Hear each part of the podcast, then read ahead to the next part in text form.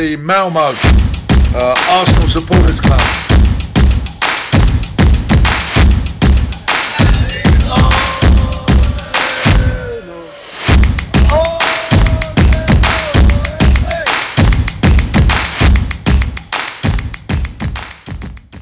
Eh, Ja, men då vill jag passa på och eh, hälsa Offsides eh, Anders Bengtsson välkommen till Arsenal Malmös podcast. Välkommen!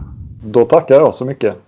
Härligt att ha med dig här och eh, idag är det den 15 oktober när vi spelar in och vi ska lite på förhand snacka upp möten mellan eh, Liverpool och eh, Arsenal i eh, ligacupen. Mm. Eh, Så att det är framförallt därför du är inbjuden som Liverpool-supporter. Men jag tänkte att du kanske ville börja med att berätta lite om eh, tidningen Offside. Ja, det gör jag så gärna. Eh, jag är då chefredaktör på Offside och har varit det i 6-7 år. Jobbat totalt i 13 år på Offside. Och vi firar ju faktiskt då 20-årsjubileum eh, här nästa år 2020. Så Offside har funnits i 20 år. Och eh, för den som inte har koll på Offside så är kanske Offside mest kända för de långa texterna. Långa reportage där vi istället för att göra nyhetsjournalistik så försöker vi gå lite mer på djupet eh, och komma bakom eh, de här standardiserade svaren som fotbollsspelarna framförallt kanske levererar. Eh, så det är det. Sen så har vi en podcast, jag och min kollega Johan Arrhenius, Offsides podcast, som har tutat på här i snart sex år tror jag det är. Och där kan det ju vara så att jag ibland pratar lite om Liverpool. Eh, och Johan, min kollega, är ju en gammal Arsenal-supporter men har tappat lite suget får man säga, eller väldigt mycket. Från att han var som, jag tror att många av era lyssnare i er Arsenal-podd är och som jag är med Liverpool som aldrig missar en match och som gärna ser försäsongsmatcher mitt i nätterna på sommarna och som kanske till och med ser reservlagsmatcher så kollar Johan i princip. Det är kanske matcherna mot eh, Spurs och eventuellt någon mot United. Men det är en handfull matcher han kollar på. Men mitt eh, Liverpool-intresse är ju intakt eh, får man ändå säga. Ja, men det är väl härligt. Jag kommer ihåg att jag hörde någon eh, podd där han sa att eh, kärleken till Arsenal hade svalnat men hatet mot Manchester United levde fortfarande kvar. Ja, men lite så. Jag kan märka det just. Han älskar ju att prata om fram till någon, någon säsong efter The Invincibles för er. Eh, där började han väl tackla av lite grann tror jag. Det var väl också för att han började jobba som sportjournalist. Jag förstår det. Många andra kollegor jag har som har liksom hållit på ett lag väldigt hårt tappar lite grann det när de väl börjar jobba med fotboll. Man blir lite, lite trött på det. Sen ska man distansera sig i vissa fall och sådär. Men hans favorittid är ju liksom slutet på 90-talet kanske. Och, jag menar, United hade Van Nistelrooy, det var bråk med Arsenal och det var liksom två stora rivaler får man säga där under några års tid. De växeldrog vem som vann ligan och vilka var bäst i Premier League. Men sen så har väl han tacklat av eh, får jag nog ändå säga. Ja, men det är ju så lite som du säger, lite olika faser i livet. Jag kan ju förstå också att jobbar man med det liksom åtta timmar per dag och kanske vissa dagar mer med det så kanske man vill ha ett litet break från det privat sen. Lite så är det ju faktiskt. Och Ja. Det är ju också så som alla som håller på ett lag mycket känner att det är, dränerar ju en ganska mycket under sämre perioder.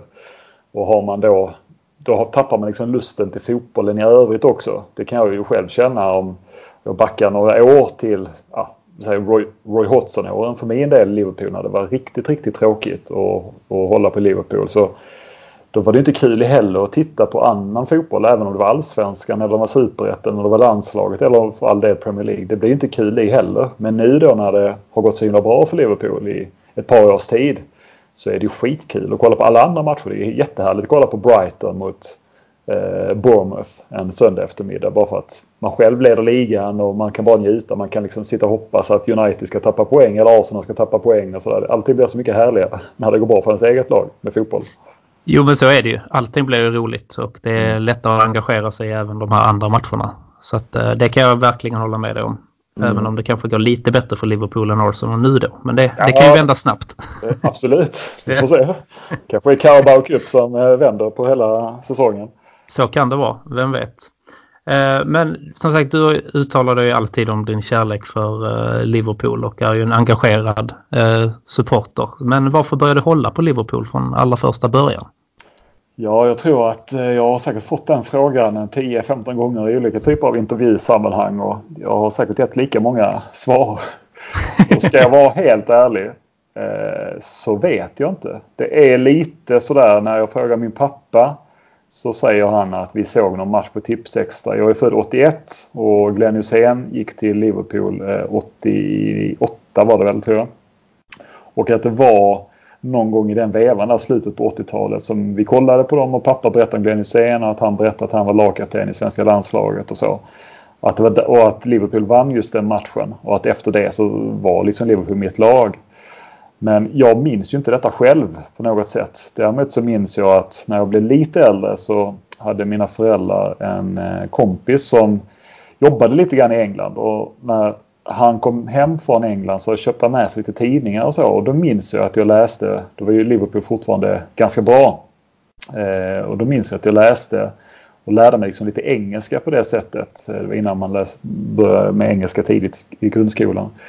Och då kommer jag ihåg att jag liksom tyckte att det var rätt snygga tröjor. Det var liksom färgfoto man fick se för första gången liksom i tidningar. Det var ju inte, det var så himla långt innan internet så att det är svårt för en en 15-åring idag att förstå hur svårt det var. Men det var ju så att Liverpool, om inte det visades. Text-tv fanns ju på den tiden. Men det var ju typ där man kunde få reda på hur det gick för Liverpool. Eh, så att det var inte lätt att vara supporter när jag var liten. Liksom. Men sen så växte väl det under tonåren och, och sådär. Men det var väl egentligen när jag kom upp i 15-16 års åldern som det verkligen tog fart. Och det var väl också då när internet började liksom fungera på ett bättre sätt man kunde själv gå in och läsa och klubben började liksom kommunicera ut saker. Man lärde känna spelaren lite mer och så började man läsa på om klubben och man kände liksom sådär att Liverpool hade varit med om både storhetstiderna som fotbollsklubb men också de här eh, ska man säga med både Hazel-katastrofen och framförallt Hillsborough. Där man läste om liksom hur det hade liksom lamslagit en hel stad och hur de kände sig åsidosatta och förnedrade av tidningen The Sun och framförallt i Hillsborough-fallet. man började liksom känna sådär att det var en liten, lite, en stor klubb men en lite mindre klubb på så sätt att de slogs mot etablissemanget bland Londonklubbarna, Arsenal för all del och, och sådär. Och så Manchester, lite större stad och så var den stora rivalen. Och sådär. Då kände man att det fanns en sån lite David mot Goliat känsla som jag tror att jag gick igång på. Eh, men eh, jag tror att det var väl egentligen från att jag kanske var 20 så då är det 18 år sedan då, jag är 38 idag, som jag liksom verkligen har följt Liverpool varje match som de har spelat. Det är kanske en handfull matcher på de här sista 20 åren som jag har missat att titta på på TV. Om man säger. Så att, någonstans där är väl sanningen helt enkelt. Att det var kanske någon tillfällighet, snygga tröjor, Glenn Hysén eventuellt min granne som kom hem med lite tidningar från England och jag tyckte att tröjorna var rätt snygga. Någonstans där ligger väl sanningen. Ja, nej men det är lite så. Det kommer nog i etapper. Så var det lite kanske för, för mig också. Nu är jag några år yngre än dig. Jag är född 87 men mm. det är ju där kanske man börjar med som jag hittade en favoritspelare i Dennis Bergkamp när han mm. spelade VM 98. Mm. Till exempel. Och sen mm. kollar man vad han spelade efter det så blev det Arsenal. Men jag tror mycket vikt ligger nog också i det där som du sa att man ser en match som laget vinner. Mm. Jag tror inte det är lika stor chans att man börjar hålla på ett lag om man ser dem förlora med 5-0 första nej, matchen man ser nej. dem. Nej, så är det ju säkert. Och idag har jag ju eh, två söner och den äldsta sonen är nio år gammal. Han är ju väldigt... Eh, fotboll är ju hans liv och älskar det. Och både att spela själv och kolla själv. Och Liverpool har ju blivit verkligen hans grej. Och jag försöker ju hela tiden påminna honom om att det tillståndet som Liverpool är i nu det är liksom, backar man bandet ett och ett halvt år så var det Champions League-final, även om den förlorades. Men bara vara en Champions League-final försökte jag förklara då att det är ju en häftig grej liksom. Fan, det har jag fått uppleva två gånger under, under alla mina år jag har hejat Liverpool. Du har fått göra ja. det. Så att du bara är sju. Och sen så ett år senare så går de nästan och vinner ligan. Vi förlorar en match hela säsongen, förra säsongen. Det är mot City. Men går till Champions League-final och vinner Champions League-finalen. Och nu den här hösten så som det inleds med idel segrar i ligan jag försöker förklara för honom att detta är, liksom, detta är inte normen. Detta är inte det som du ska vänja dig vid. Normen är att det kommer gå åt helvete. Eh, men samtidigt försöker man också givetvis eh, se till så att han är glad, att han njuter av det här, att det går så himla bra. Men eh, det är intressant bara på två år. Kommer ihåg när han började liksom ettan på sin skola. Då var det så att han var den enda nästan i sin klass som hejade på Liverpool. Alla andra höll ju på City City eller Arsenal eller United eller Chelsea. Eh, men nu så är det ju så att var och varannan kille och tjej i hans klass eller så de som han leker med håller på Liverpool. Så det går så himla snabbt så att Liverpool håller på att liksom ta över fler och fler och fler nu bara för att de får de här framgångarna och för att det har varit rätt rolig fotboll. Eh, så att eh, nu är inte han så ensam om det längre att hålla på Liverpool. Så det går väldigt snabbt det där. Jo men det gör det. Man märker det också just liksom så här på ja, men de yngre, alltså i skolåldern. Och en sak som jag har tänkt på typ det är när man är på charterresor till exempel. Så tyvärr då för Arsenals del så blir det ju färre och färre Arsenal-tröjor i de här stånden på marknader som säljer fotbollströjor. Mm. Utan de mm. vill ju bara sälja liksom de, ja, de vinnande lagen eller vad man ska säga. Men det går ja. upp och ner. Så är det ju. Men eh, jag vill få väl framföra tack till eh, att Liverpool vann Champions League förra säsongen i alla fall. För det innebar att Tottenham inte vann den. Så det var ju faktiskt ja, väldigt, väldigt skönt. Ja, det, det bjuder jag på. Och det, kan ja, höll oss inte, det var så skönt efter de sekunderna också att det gick så snabbt innan ni, tills att ni gjorde 1-0 så kunde ja. man slappna av lite innan dess. Ja, det var skönt för mina nerver också faktiskt att vi fick den här straffen. Men eh, det kan jag säga, det säger jag inte bara för att jag är med här i Arsenal-podden. Jag har faktiskt en eh, trogen offside-lyssnare som hör av sig med jämna mellanrum som tycker att jag är eh, orättvist, eh, att jag behandlar Arsenal orättvist i vår podd. Att han tycker att jag klankar ner på Arsenal. Och jag kan inte förstå det för att jag eh, säger alltid att av de stora rivalerna i Premier League så är Arsenal det laget som jag har minst problem med och så har det alltid varit.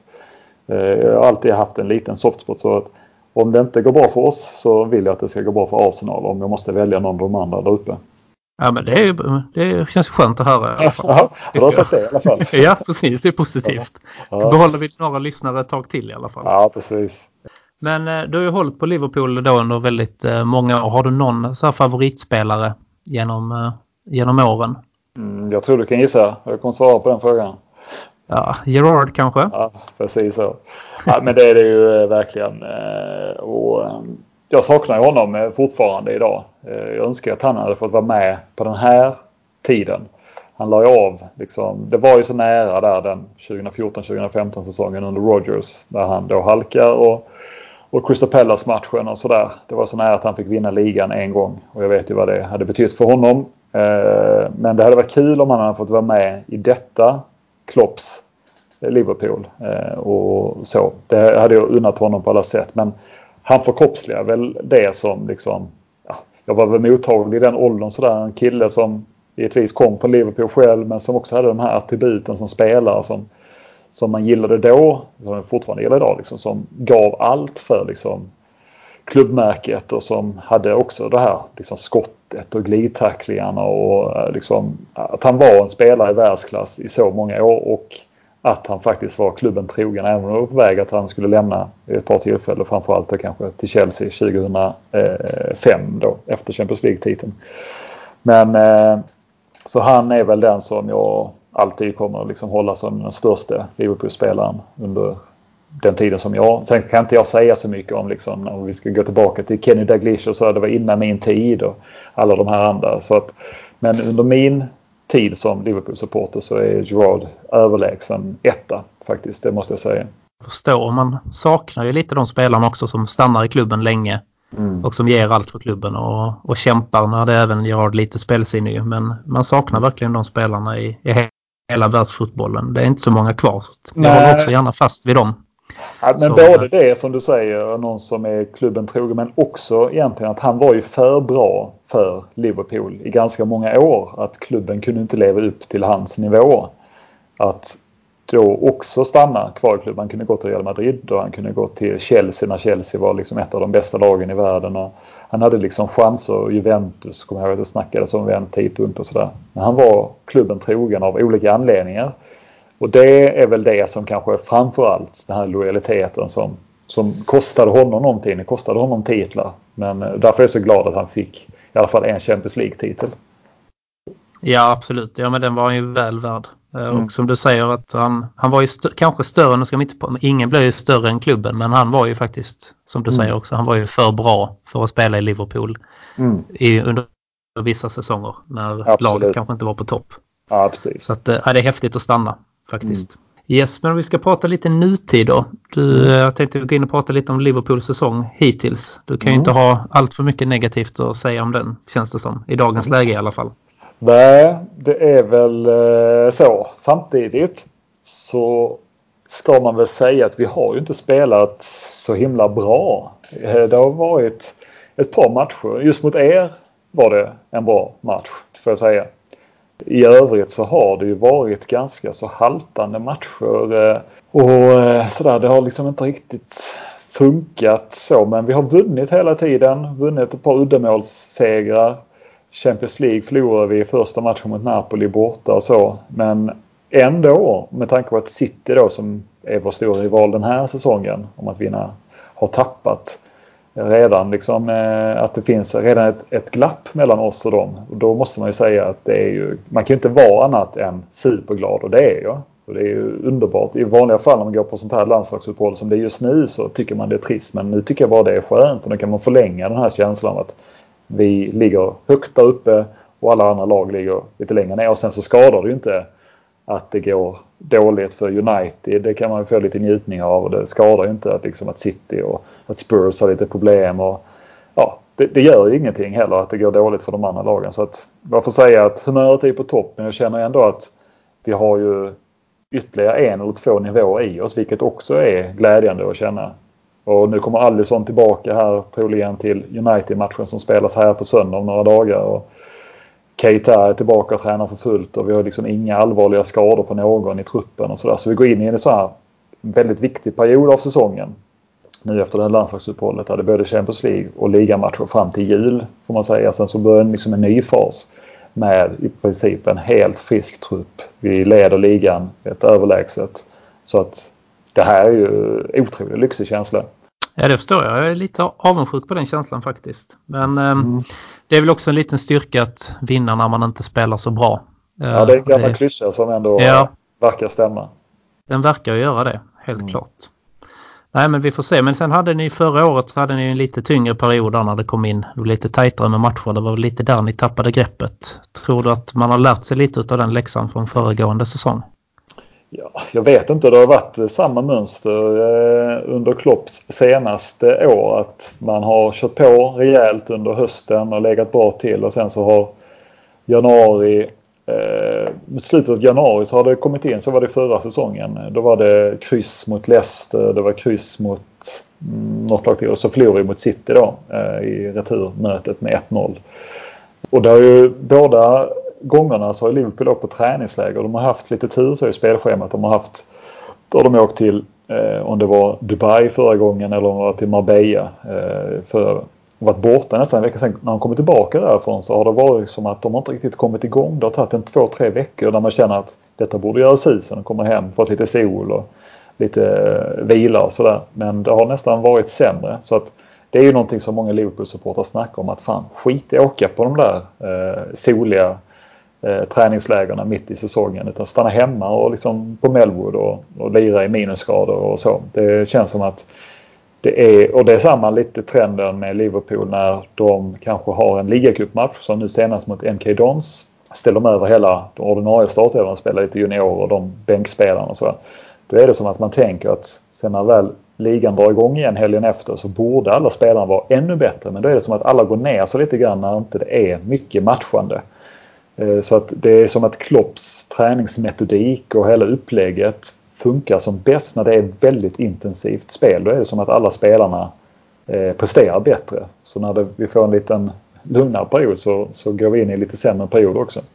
Ja, jo, men så kan det nog vara faktiskt. Mm. Och det här med resorna kan jag hålla mig också lite kritisk till det. Arsenal var iväg förra vintern också när det var lite uppehåll. Jag vet inte om det är det bästa egentligen. Det känns nu det är bättre att hemma och stanna hemma och jobba på liksom än åka iväg och ligga och sola på eftermiddagarna och träna på förmiddagen. Liksom, och fortsätta ja. jobba hårt hela säsongen. Liksom. Ja, precis. Ja, men det är en logik som man inte riktigt får ihop. För att sunt förnuft säger att det är klart att det är väl härligt att komma iväg till Marbella och för lite sol och ombyte och eh, man kan hitta på lite roliga saker och komma hem och vara liksom laddad och sådär. Så att det borde ju vara bra men eh, uppenbarligen så har det inte varit bra för oss eller kanske också då för, för Arsenal att göra det där. Så att eh, det finns ju någonting att bryta, rutiner givetvis som kanske påverkar hur spelare presterar och så.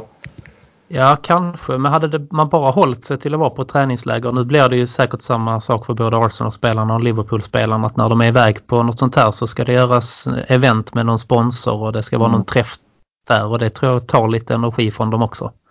Ja men lite så är det ju eh, faktiskt. Eh, och sen så har vi ju haft turen sådär att både Salah och Mané har ju inte åkt iväg det här landslagsuppehållet med sina respektive landslag. Eh, de gjorde inte det förra eh, landslagsuppehållet heller så att de har ju fått vara hemma vilket inneburit att Salah som har blivit en superstor ikon i världen liksom som pryder omslag på Time Magazine och nu var det senast G GQ och sådär eh, att han har ju åker runt istället för att vara hemma och ta det lugnt i Liverpool så drar han till New York på någon fotoplåtning och sådär. Han är ju han börjar nå den här nivån där han är en superstjärna. Inte bara i fotbollen utan utanför för att han är muslim och han blir liksom en symbol på det sättet. Så att, där kan man ju känna lite grann om man följer honom, vilket jag gör så på Instagram och tänker fan hur orkar du liksom? Alla jetlags du flyger och flänger hela tiden. Ta det lite lugnt eh, Mohammed. Kan man känna men eh, han presterar ju ändå bra så att man får väl vara tyst och, och låta unna honom detta. Ja absolut. Jo men det får man ju. Han har ju kämpat hårt också. Det är först när han kom till Liverpool som det riktigt liksom tog mm. fart för honom. Så att, sen har de korta karriärer. De ska ju suga ut så mycket som möjligt under den ja. tiden. Ja men så är det ju precis. Eh, men Nej, ibland men... så känns det som att det, det kostar mm. lite mer än vad det smakar. Ja, men rent generellt eh, för att återgå här att det har varit en härlig säsongstart så får man ju också säga att allting också för första gången. Det har ju varit så här fast ändå stegande sen, ja, sen Klopp tog över i princip. Så allting är ju så harmoniskt i hela klubben. Det är inte bara fotbollslaget, alltså A-laget som presterar utan det är väldigt bra relation mellan liksom Klopp och ägarna och ägarna tar bra beslut och det är liksom utveckling av Anfield hela tiden och det ekonomiskt på alla olika typer av allt från liksom souvenirförsäljning till match match revenues, hur mycket vi tjänar på varje hemmamatch till nu ska vi då byta eh, tröjsponsor. Alltså vi ska gå från New Balance troligen då till Nike som kommer bli den största affären någonsin i Premier Leagues historia. Eh, allting går ju åt rätt håll i Liverpool. Eh, så det är inte bara A-laget och det gör ju också att det finns ingen, ingenting just nu. Jag menar ni har haft era problem med era ägare och United har sina uppenbara problem med liksom både spelartruppen, tränaren, Woodward som styr kosan, familjen Glazer. Det finns många olika nivåer där alla saker haltar. Men i Liverpool så är det ingenting som haltar just nu vilket är också en helt ny situation för mig. Som gör att det nästan är lite för rent om man säger det. Man, man vill ha någonting att irritera sig på. Och nu är det på det sättet att nu är det liksom kanske en eller två spelare i Liverpools A-trupp som jag känner att de kan jag bli lite irriterade på om de får starta och det är typ Dejan Lovren och Adam Lallana. Jag känner att de är inte tillräckligt bra. De kan försvinna. Men det är inte mer än så. Och det är ju också än en gång väldigt lyxigt när man är supporter. Ja, verkligen. Ibland kan det kännas skönt att ha de där något irritationsmoment nästan. Liksom. Men mm. sen mm. samtidigt så man vet ju att de här vad ska man säga, de här tiderna när allting känns helt perfekt. De var inte för evigt heller så att man Nej. får väl passa på att njuta av dem. Nej, så länge man har dem. Medveten om att jag förstår ju att det kommer att komma en dag när Klopp lämnar och där plötsligt så drar Mané och sen så drar Salah och sen så har vi liksom ja, så kämpar vi om att, att nå en fjärde plats igen. Eh, och ja. det, det, kommer vi komma till igen men nu har det varit en ganska lång tid och det kommer troligen vara rätt bra och harmoniskt ytterligare i alla fall ett par år. Sen så blir det ju så en generationsskifte både i truppen och bland liksom kanske ägarna kommer in en ny ägare, vem vet. Och plötsligt så kanske man är eh, på Newcastle-nivå liksom att allting är, är piss.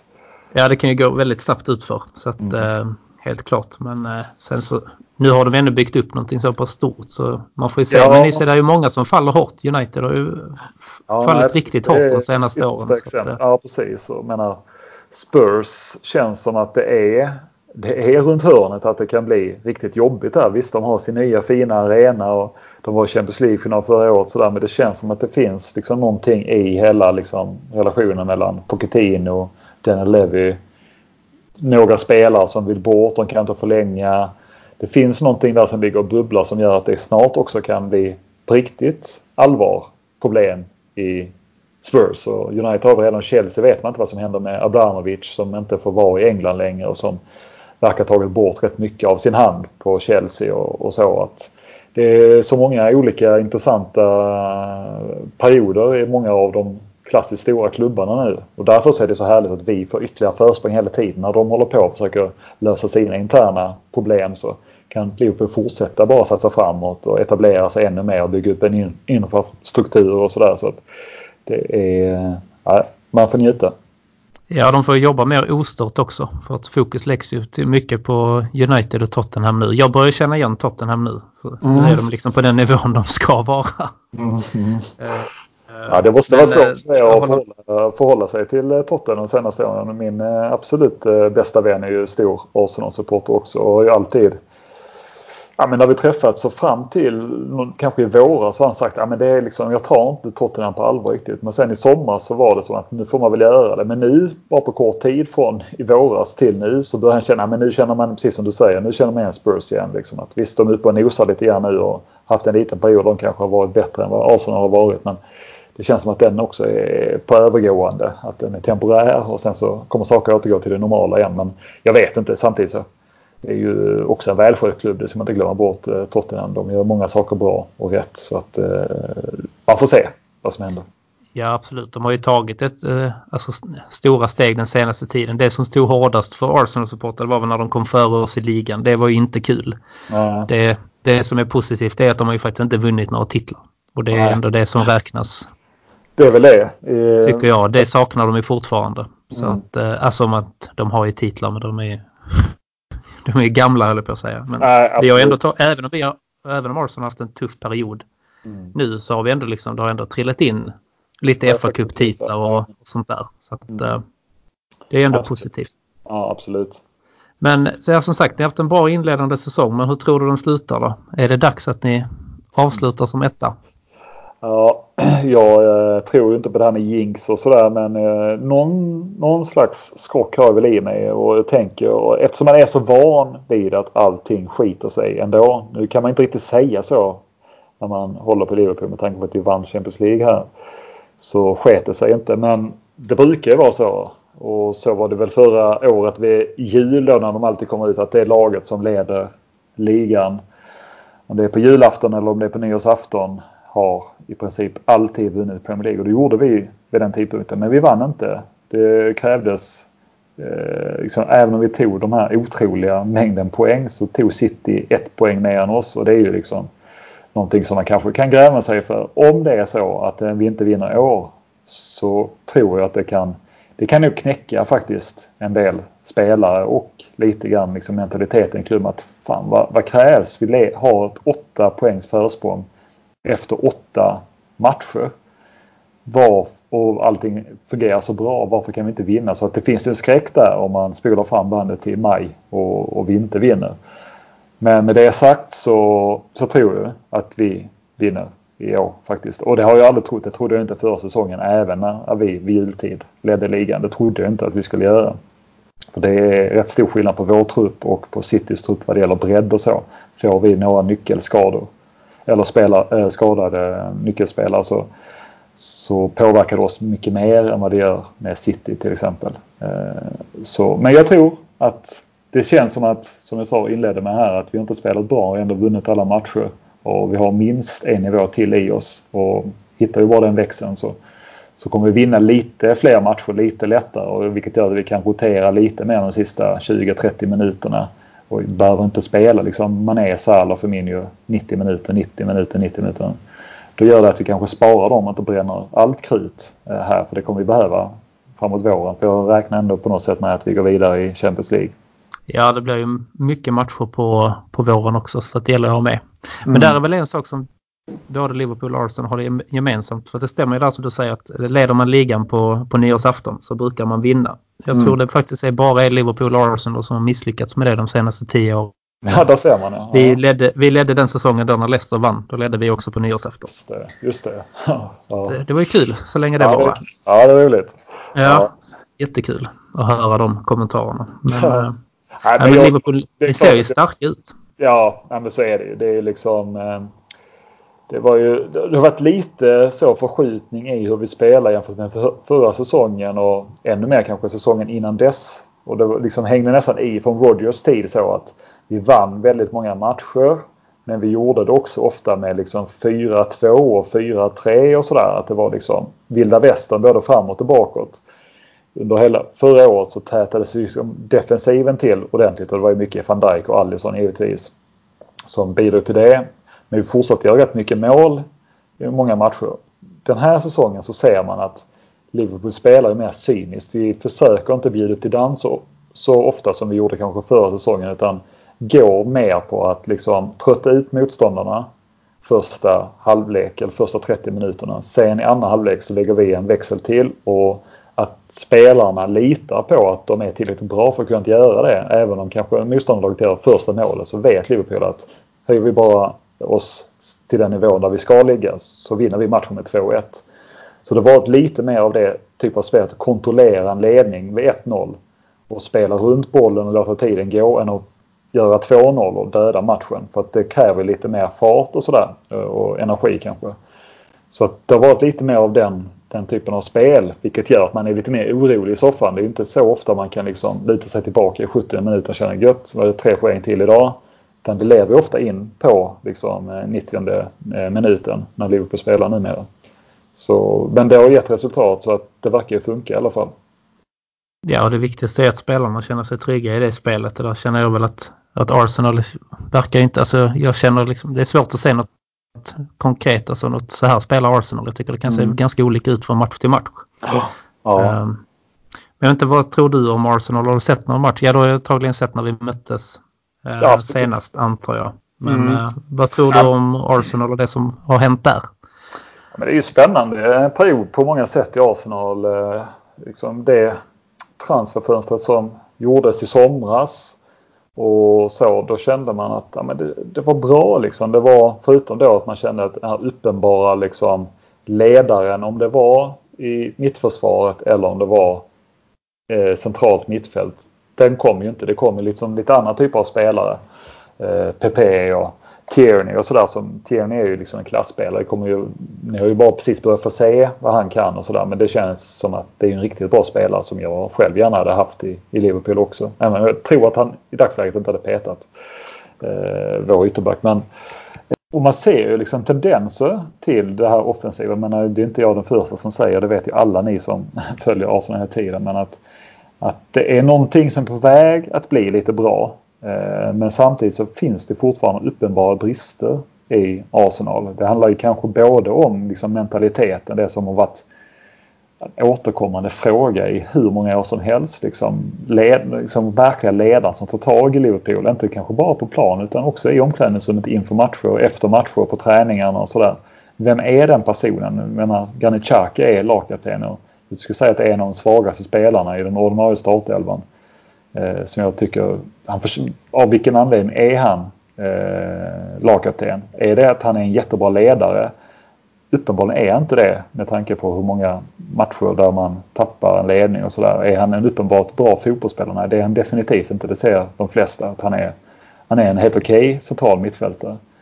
Och vi har ju Henderson som lagkapten som också är en begränsad fotbollsspelare men som uppenbarligen är väldigt omtyckt och uppskattad som en ledartyp som är föregår med så himla bra exempel hela tiden och det märker man liksom hur han pratar och sådär. Att han skänker ett lugn men så ställer väldigt höga förväntningar. Så har vi James Milner som är überprofessionell när det gäller liksom att alltid, alla träningsmoment betyder allt och sådär. Eh, så Arsenal, det, det, är ju liksom lurigt att säga någonting nytt. Kommer de här med någon slags analys som säger någonting nytt som ingen annan har sagt. Men man ser ju tendenser. Men ser man er vad ni kan ställa upp med offensivt med Lacazette och Aubameyang och, och PP som jag tycker jag har inte sett så mycket av än men det kommer säkert bli bra eh, där och sen så har man liksom alla de här ynglingarna där som har fått rätt mycket speltid nu på sistone. Eh, Eh, Martinelli och Nelson, Willock och Saka och allt vad de heter. Så Guendouzi som liksom har tagit ytterligare ett steg här eh, och blivit liksom en spelare som man verkligen gillar. Som jag tror att rätt många objektivt kan gilla för att han liksom spelar med så himla vilja och, och, också nu också med en hel del briljans i vissa saker som han gör. Så att det finns ju, men det är ju försvaret fortfarande. Jag förstår inte varför man inte åtgärdar det tidigare. Nu var det väl så att man skulle blivit av med Mustafi i somras men lyckades inte riktigt och jag vet inte för man inte hade kvar några pengar i kistan för att värva ytterligare någon kanske som skulle komma in och, och ge lite mer. David Luiz är väl... Ja, lite av en nödlösning. Ja, det är en uppgradering om man jämför med Mustafi som kanske startade lite för många matcher förra året. Men samtidigt så, så är det ju, det såg vi ju bara mot när ni mötte Liverpool då, att han ligger liksom helt fel när Salah gör det här kontringsmålet och snurrar upp honom. Han går upp och stötbryter och missar boll och sen så är han helt bortkörd. Och han lägger bakom ett par straffar som har lett till baklängesmål för er och sådär under säsongen. Så, så att, äh, det känns som att det är just hans, hans backtyp var det sista som ni behövde. Någon så här irrationell typ av mittback. Du behöver liksom ha en och de är inte jätte, det ska ju gudarna veta att det är inte så lätt att hitta en försvarare som går in i Arsenal mittback som gör Arsenal direkt bättre. Liksom, de, de växer inte på träd. Det finns ju inte så många van Dijk där ute som är tillgängliga. Nej, det gör ju inte det. Men däremot hoppas jag lite på att Holding nu som är på väg tillbaka från sin eh, skada kanske kan gå in och peta eh, David Luiz för att när han, innan han blev skadad förra säsongen så såg han riktigt intressant ut. Så jag hoppas mm. att han kan ta några kliv till.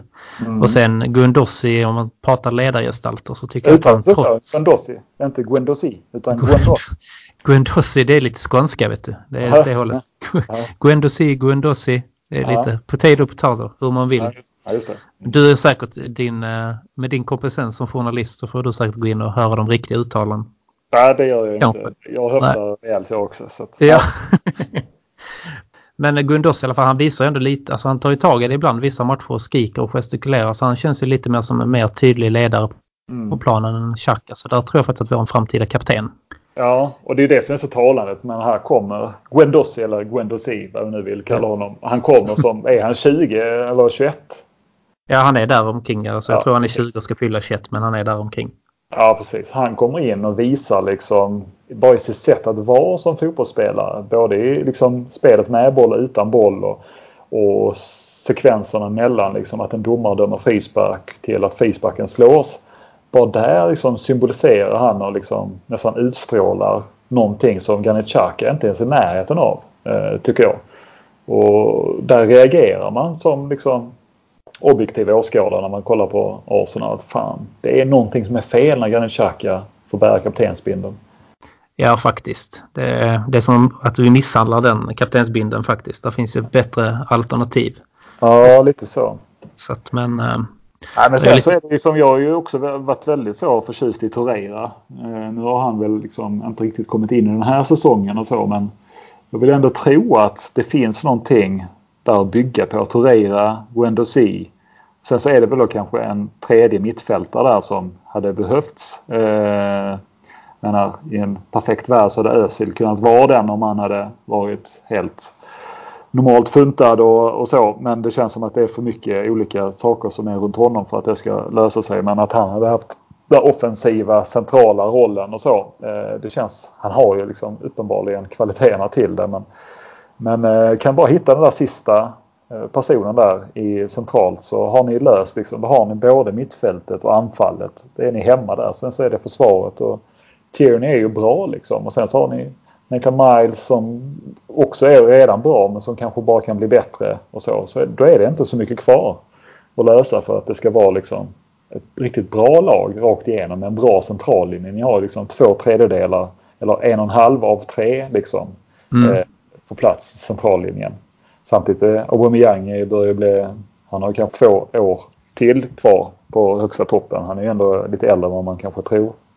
Där kommer kanske behövas någonting nytt och sådär men det är inte så långt bort för er egentligen. Eh, och jag menar jag gillar Emery också. Jag tycker att han ger ett sympatiskt intryck även om hans engelska kan man ha lite...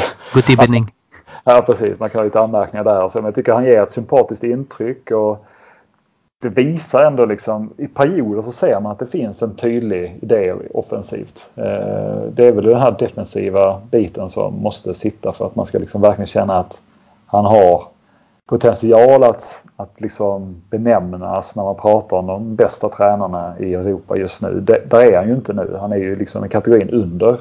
Det är inte just Klopp, Simeone, liksom Allegri eh, nivå på honom. Men eh, han är ju precis i nivån under så att han behöver väl få ordning på, på hela spelet, hela, alla lagdelar tillsammans, inte bara en åt gången så. Nej, det har varit lite så tidigare när han varit i PSG och sånt också att försvaret har ju varit så där i de klubbarna han har varit. Men mm. Mm. Sen andra sidan, gör vi fyra mål framåt och släpper in två så köper man ju det. Men Absolut. när man möter topplagen och förhoppningsvis då är tillbaka i Champions League nästa säsong så håller det inte med hur dåligt försvar som helst utan det måste ändå finnas liksom mm. ett tydligt eh, försvarsspel också. Så, ja, att, så där finns ju, finns ju att jobba på, helt klart. Mm, absolut. Men om vi kikar framåt lite mot ligacupmatchen. Det är rätt svårt för oss att sitta och snacka upp den allt för mycket med mm. tanke på att den är cirka två veckor framåt. Men eh, tror du att eh, Liverpool kommer ställa upp med bästa laget i den matchen? Eller blir det som tidigare kanske? Ja, alltså hade det inte varit för att vi lottades mot just Arsenal så hade jag varit säker på att det hade blivit ungefär som det var mot NK Dons där det var juniorer och eh, bänkspelare. Ingen från liksom ordinarie startelvan. Men nu är det ändå Arsenal och det är det, jag tror någonting som händer med både Klopp och spelarnas inställning. Att det anses vara ändå en stor match som ska spelas. Och Samtidigt så har det redan varit ett par lag som har försvunnit som man kanske skulle kunna tänka sig gått lite längre. Så att det börjar ju snart bli en titel. Ligacupen har inte prioriterats. Det har varit alltid den som har underprioriterats av de fyra kupperna som man kan spela. Liksom ligan, Champions League, FA-cupen och ligacupen. Men det känns som att det kanske finns en möjlighet att ta den titeln. Och, och det hade ju också varit någonting ändå. Även om det är den som jag minst vill vinna av de här så så eh, jag undrar om inte Klopp ändå kommer att spela ja, aningen bättre lag. Eh, så jag hoppas att han inte gör det. Jag hoppas att han spelar, vilar alla, alla ordinarie spelare. Det hoppas jag ändå personligen. Men eh, jag blir inte förvånad om, om han startar i alla fall hälften hälften om man säger. Nej, det blir nog inte jag heller. Jag tror nog att det blir något liknande för oss också. Samtidigt så jag tyckte det varit jäkligt kul att se alltså båda lagens, vad ska man säga, andra elvor. Hade nog mm. blivit en intressant match det också. Men eh, jag tror att det blir någon slags 50-50 lösning faktiskt. Mm. Ja, men det är ju de härligaste matcherna nästan att titta på tycker jag. Det är just när det är ligacupen och man är inte nervös för man bryr sig. Man, man, jag, jag påverkas inte så mycket om vi förlorar mot Arsenal till exempel i ligacupen. Det, det är mycket värre att förlora mot Brighton i, i ligan. Eh, förlora tre poäng än att förlora mot Arsenal i fjärde omgången av ligacupen. Och därför är det så himla kul just att se de här 16-17-åringarna eh, få spela. Och, och eh, så det är ju få matcher där man kan sitta så avslappnat i soffan som just när det är ligacupmatcher. Så därför så är det ju härligt att fortsätta vara med där. Och för en sån som Adrian som kom in här nu och vikarierat med eh, väldigt eh, höga betyg när Alisson var skadad så kan det vara hans enda tillfälle att få matchtid nu när Alisson är tillbaka. Så han lär ju definitivt stå mot, eh, mot er i alla fall. Det vågar jag påstå. Jo, men det tror jag också. Och mm. Eh, jag håller med dig där också. Alltså, ligacupen är väldigt lågt prioriterad hos mig också. Det gör mm. liksom ingenting om vi åker ur. Men sen blir det ju en liten stämningshöjare när vi möter, när vi möter Liverpool då istället för kanske något annat lag. Mm. Men eh, som sagt man kommer inte ligga och gråta blod om vi åker ur den. Äh. Utan det är ju framförallt det är ligan som är högsta fokus och, och FA-cupen. Ja. Om man ser till det som avgörs på de brittiska öarna. Så att, eh, men eh, ja. jag hade tyckt det var, faktiskt var kul om båda lagen hade gått in och kört liksom renodlade eh, ungdomsspelare, juniorer och eh, bänknötare. Det hade varit rätt ja. kul att se faktiskt. Absolut. Men vad, vad, tror, eh, vad tror du själv om och ligaspelet i år, vad, vad, vad anser du var en bra säsong? Är det att komma topp fyra eller? För mig är det faktiskt en bra säsong att komma topp fyra och eh, gärna plocka hem Europa League eller eh, FA-cupen. Då är jag jäkligt nöjd faktiskt. Man får också säga det som så att förra året så ärvde Emery en, en trupp. Nu har han faktiskt haft lite mer att säga till om i detta transferfönster till somras. Och mm. det är väl först nu han kanske visar vilken tränare han är och vilket spel han vill spela. Mm. Så att jag är eh, nöjd eh, om vi kommer eh, tre eller fyra och har mm. gärna Tottenham bakom oss. Mm. Då är jag faktiskt ja, nöjd. Ja, det förstår jag. Ja. Då är jag nöjd. Mm. Så att äh, vi kan inte hålla på och härva i Europa League längre, det håller inte. Utan vi måste Nej. upp och komma tillbaka. Mm. Faktiskt. Det blir enklare att locka spelare också. Man får se det så också. Absolut. en marknad ute och spela i Europa League det lockar ju inte som att spela i Champions League. Så är det ju. Sen har ni alltid haft den fördelen. Det har varit ett par stycken spelare så där det har varit liksom både Liverpool och Arsenal som varit intresserade. Eh, och sen så har det slutat med att spelaren har valt Arsenal just för att man vill bo i London. Där har Liverpool haft en stor nackdel som har gjort hela tiden att spelare har liksom känt att när de nått en viss nivå så vill de lämna Liverpool. Det är inte liksom världens härligaste stad. Men London har ändå kunnat ha det och Arsenal att fan, London är en rätt härlig stad att bo i. Eh, det är liksom en metropol på många sätt. Så det har man ju fått eh, råka ut för några gånger. Så där, även om ni spelar i Europa League så tror jag att ni har en attraktionskraft som inte vi har om vi hade spelat i Europa League. Ja absolut. Det, det är många spelare som, jag vet om vi går bara till svenska spelare så Jonas Olsson eh, som spelade i West Brom länge. Han försökte väl ganska under lång tid att hitta en Londonklubb att spela för och bodde till och med i London tror jag under stora ja, perioder av sin karriär. Åren tror jag att han pendlade mellan eh, ja, strax utanför Birmingham då där West Bromwich håller till och London. Det är ändå en två timmar enkel bilresa utan bilkö mm. varje dag. Och det, det fattar jag. Alla som varit i Birmingham uh, vet att det inte är världens festligaste stad. Så att jag förstår det. Om man har möjlighet att lägga de pengarna på ett boende i London så gör man nog det. Jo absolut, jag hade gärna också bott i London faktiskt. Mm. Inte bara utav anledningen Arsenal då utan för att det är en, det är en härlig stad. Det händer ja, mycket. Verkligen. Men åker du mycket till Anfield förresten? Inte så mycket som jag hade önskat faktiskt. Eh, jag har väl varit där ska man säga, en gång varannan säsong ungefär. Sett någon match. Eh, nu ska jag åka dit. Eh, det är inte riktigt klart än men min son då, nioåring, han vill ju se Anfield. Så tanken är att vi ska åka dit till, vår, till våren och kolla på en match. Så då blir det, jag var inte där någon gång förra säsongen. Eh, så. Men det har ju också blivit ett problem att i vanliga fall som journalist så kan man ju akkreditera sig, alltså sitta på en pressläktare.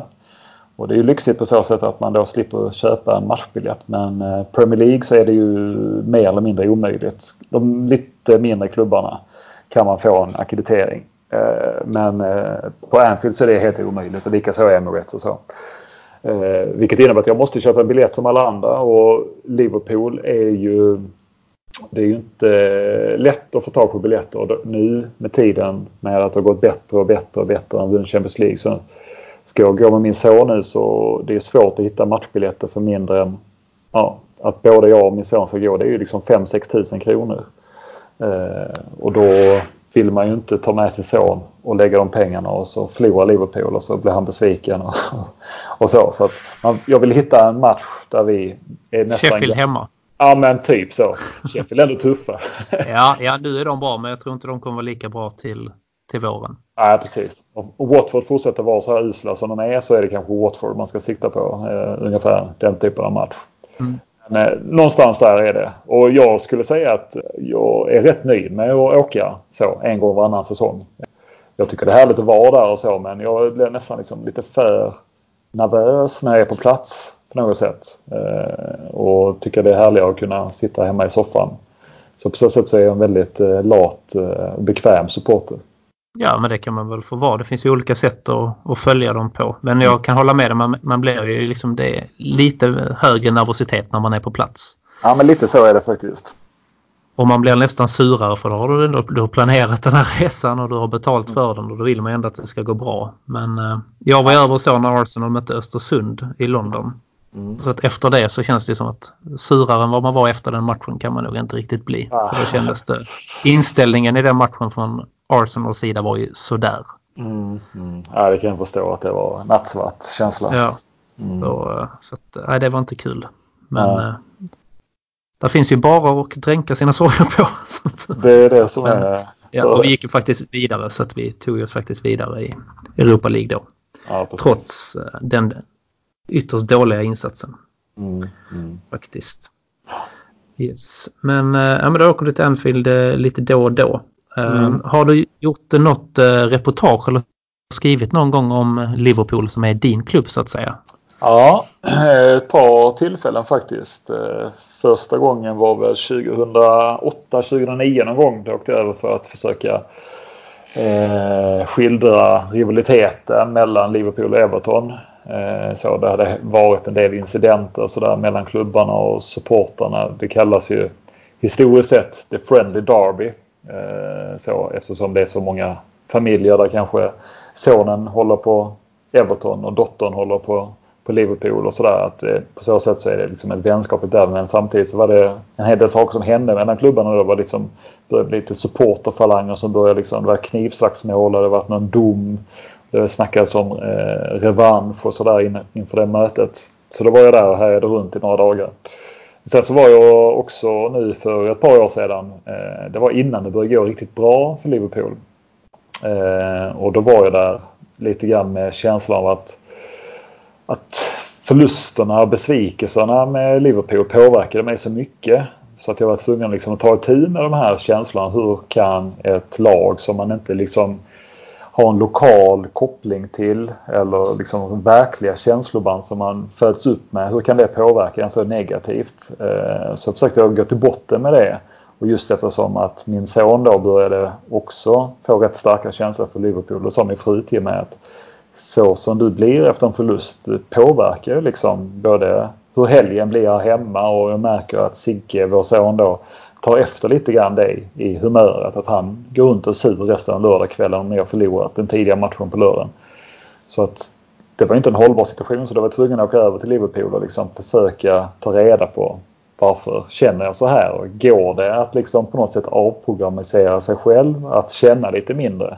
Och slutsatsen var att det går ju inte. Eh, det är omöjligt eh, om man försöker. Men eh, sen så började det gå väldigt bra efter det. Det var ungefär precis i den vevan. Jag var där hösten 2017 tror jag det var. Sen direkt efter det så vann vi typ 10 raka matcher och sen så gav van Dijk. För det var ju mitt stora problem. Klopp, jag gillade honom och allt han stod för. Och jag är superglad att han var tränare för Liverpool men jag fattade inte att inte han kunde inse att vi behövde. Då hade vi kvar Mignolet som målvakt. Vi hade Lovren och eh, Matip som hoppade in och ut.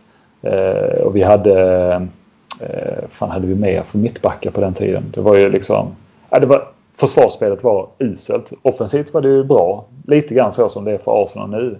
Så min enda målsättning var att gå på presskonferens, ställa en fråga till Klopp. Det var liksom att alla kan se varför inte Liverpool blir framgångsrika. Det är för att ni inte har tillräckligt bra försvarsspelare. Varför åtgärdar du inte det? Och sen så två månader sen så kom van Dijk eh, och sen så var det löst. Så, att, så eh, jag till sig?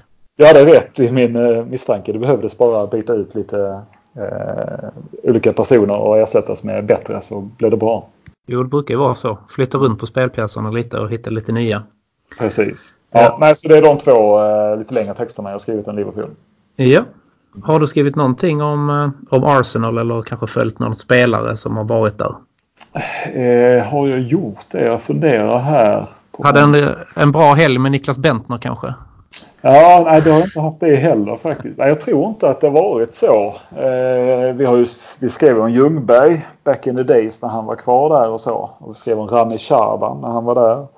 Sebastian Larsson har jag ju varit överträffat men då spelade han för Hall och inte för Arsenal. Så att nej, jag har inte personligen haft någonting så med Arsenal att göra som journalist faktiskt.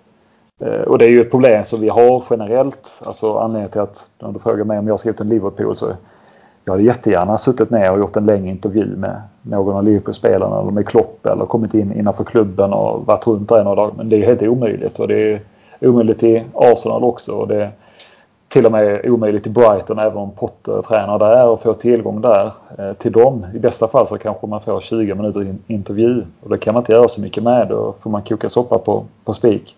Så det är en anledning till varför vi väldigt sällan gör någonting. Då måste man nästan som reporter ha en personlig ingång och skriva sig själv. Eller så när vi skrev om Liverpools ungdomsakademi. Det var för att Astrid Ajdarevic eh, var där under den tiden. Då kan han ta in en och så hänger man runt med honom och så på så sätt så skriver man om Liverpool men man skriver inte egentligen om, om liksom det, det glansiga, fina Liverpool. Utan I det här fallet var det om ungdomsakademin. Så det gör ju att vi sällan kan skriva om de absolut största klubbarna. Ja, det är ju så. De är väldigt skyddade. Mm, så är det. Så är det. Och det blir ju oftast bara de här korta man ser. Om man tänker på Viasats Premier League-sändningar så vet man ju att där har ju journalister från 50 olika länder fått 10 minuter var med, med Salah under en vecka till exempel. Ja, precis. Och så är det det som kommer ut. Och de blir, ju, inte, de blir ju inte så bra de intervjuerna. Nej, nej, så är det ju. Och jag vet ju liksom att jag är ju kompis med Marcus Kristensson som är tidigare offside-skribent. Han är ju fotbollschef på The Guardian nu. Eh, som ändå är liksom, får anses vara den fina eh, morgontidningen i England. Där högt anseende på sportsidan också. De har ju liksom i bästa fall så får de ju en intervju med en Manchester United-spelare på en hel säsong trots att de ligger på hela tiden. Och i andra fall så kanske det är att de får 20 minuter med Pogba men då är det för att det är Nike som arrangerar intervjun och då måste det nämnas Nike i texten och sådär och då tackar ju trovärdiga journalister och liksom publicister nej till det för att det går inte att skriva om någon bara för att eh, det är sponsorsamarbete. Så det gör ju att, att eh, det inte finns så många möjligheter för oss journalister att skriva initierat och bra om de här stora klubbarna och spelarna. Och det gör ju också att de andra tidningarna som är i andra änden, alltså de engelska tabloiderna som The Sun och Daily Mirror och sådär, de spekulerar ju hela tiden. De hårdvinklar allting för att det finns så lite att ta på. Men de måste hela tiden producera nyheter och generera klick. Det gör ju att minsta lilla grej blir ju en rätt stor grej. Och det är ju lite grann att, att eh, klubbarna och spelarna målar in sig i ett hörn där det nästan tvingas att det blir spekulationer runt dem. Så att det är ju liksom ett litet moment 22 så på något sätt. Eh, med rapporteringen kring de här största klubbarna och spelarna. Ja absolut och sen så dyker det upp någonting på deras hemsidor så, så får man, det är den informationen man får. Ja men så är det ju. Precis ja. så är det. Mm. Så att, äh, det är lite tråkigt. Men äh, jag tänkte eftersom du är journalist och äh, gillar säkert ja, både äh, att skriva i tidningar men kanske även att läsa lite böcker så mm. kom det ut igår här att äh, Wenger ska skriva en biografi, att han har skrivit kontrakt med ett bokförlag då. Mm, det har jag något... missat. Ja, ja okej. Okay. Ja, ja, väldigt roligt. Är det någon speciell situation tror du under hans långa karriär som du skulle tycka var kul om han skrev om? Nu visste du inte om det så nu tog jag det lite på. Ja, ja precis. Ja, men eh, det är ju fascinerande att när man har följt honom sedan han lämnade Arsenal. Den, den här perioden har jag tyckt varit väldigt intressant eh, med honom för att han var så uppenbarligen så besatt av fotboll och av Arsenal i så många år. Och hade givetvis sina framgångar också väldigt mycket ifrågasatt, inte minst de sista åren. Men att leva så himla nära, alltså det var ju hans liv. Det, det har han ju sagt nu efteråt att det var ju hans liv liksom. Eh, han försakade vänner och relationer och sådär för att det var hans liv, Arsenal och fotbollen. Det var så han kopplade av det var genom att kolla på fotboll också. Att gå från att vara mitt i stormens öga till att plötsligt sitta hemma själv i sitt hus helt ensam, helt tyst. Liksom alla har slutat ställa frågor och plötsligt så bryr sig ingen om en längre. Och så kommer Emery in och bör bygga oss någonting nytt. Det är man ju väldigt nyfiken på, att gå in i den här känslan hur det känns att gå från ett otroligt tillstånd där alla tänker och tycker och man själv kan vara med och påverka till att man är helt bortkopplad från allt.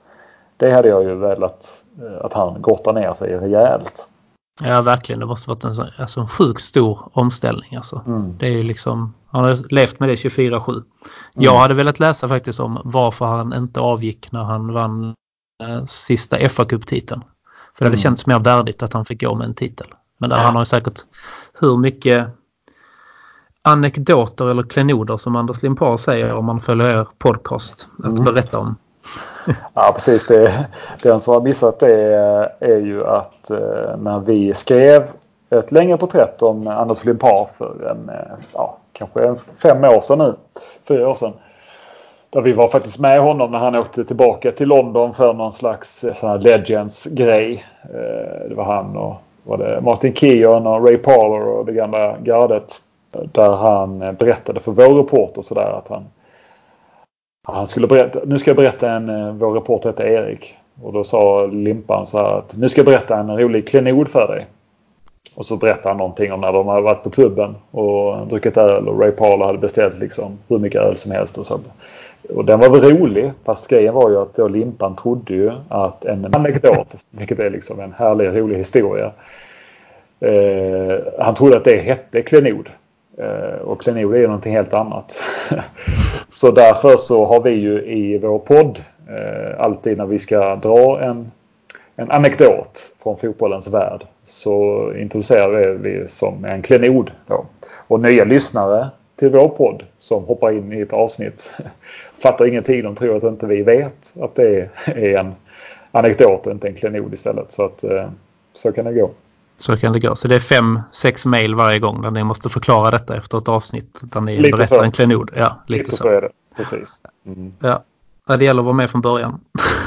Lite så är det. Precis. lite så är det. Absolut. Han gör ju fortfarande de här. Eh, han är ju med i Legends eh, de här matcherna fortfarande. Mm. Och nu såg jag att eh, han hade också gjort den här, är det 16 Weeks of Hell som Stefan Schwarz gjorde. Ja, precis. Så att nu får de se upp, de gamla Ja. gobbarna, när det ska spelas fotboll nästa gång. Absolut. Absolut. Yes. Så Ja. är det.